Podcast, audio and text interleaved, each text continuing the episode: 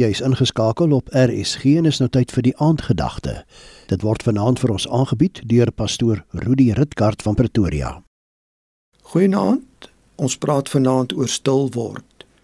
Psalm 46 vers 11 sê: "Wees stil en weet dat ek God is."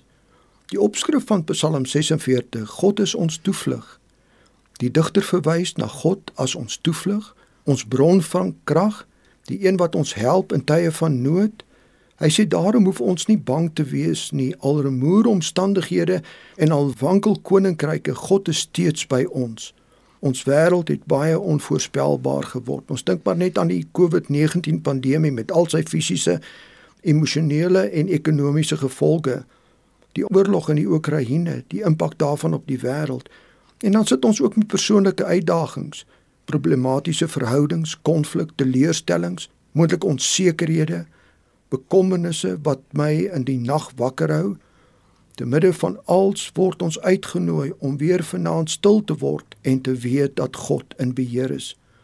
Dit is asof ons uitgenooi word om terug te tree en nuwe perspektief te kry oor ons lewe in ons subjektiewe betrokkenheid by dit wat met ons gebeur word ons soms so opgeneem en selfs verblind deur dit wat ons bekommer en mee worstel ons denke word daardeur beïnvloed met bepaalde emosionele gevolge ons word bang en kwaad ons is bekommerd ontstig en onrustig soms is dit net goed om daaroor te praat met iemand wat ek kan vertrou maar daar is egter tye waar daar geen maklike eenvoudige antwoord is nie Ja moontlik weet ons nie eers self wat die oplossing en antwoord is nie.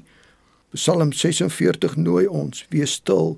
Somstyds is dit so moeilik om stil te word omdat daar 'n klomp binne geraas is dat ons vergeet wie in beheer is. Die 53 vertaling sê: Laat staan en weet dat ek God is. Somstyds is ons so betrokke by die probleme wat ons ontstel dat dit raadsaam is om die goed waarin ons dink en top te laat staan en net stil te word. In ons stil word kry ons weer perspektief dat God in beheer is, nie teenstaande ons uitdagings. Al dink en voel dit nie altyd so nie. My stil word dui op my algehele vertroue in Hom. Ek hoef nie aan Hom te verduidelik om te oortuig en voor te skryf wat om te doen nie. Hy weet die beste en ek kan Hom ten volle vertrou. In my stil word vertrou ek my lewe vanaand aan die Here toe in die wete dat hy sal sorg en voorsien. Kom ons bid. Vader, dankie dat U vanaand te midde van al die onsekerhede en uitdagings ons stil kan word en ons vertroue onvoorwaardelik in U stel. Amen. Dit was dan die aandgedagte hier op RSG, aangebied deur pastoor Rudi Ritkart van Pretoria.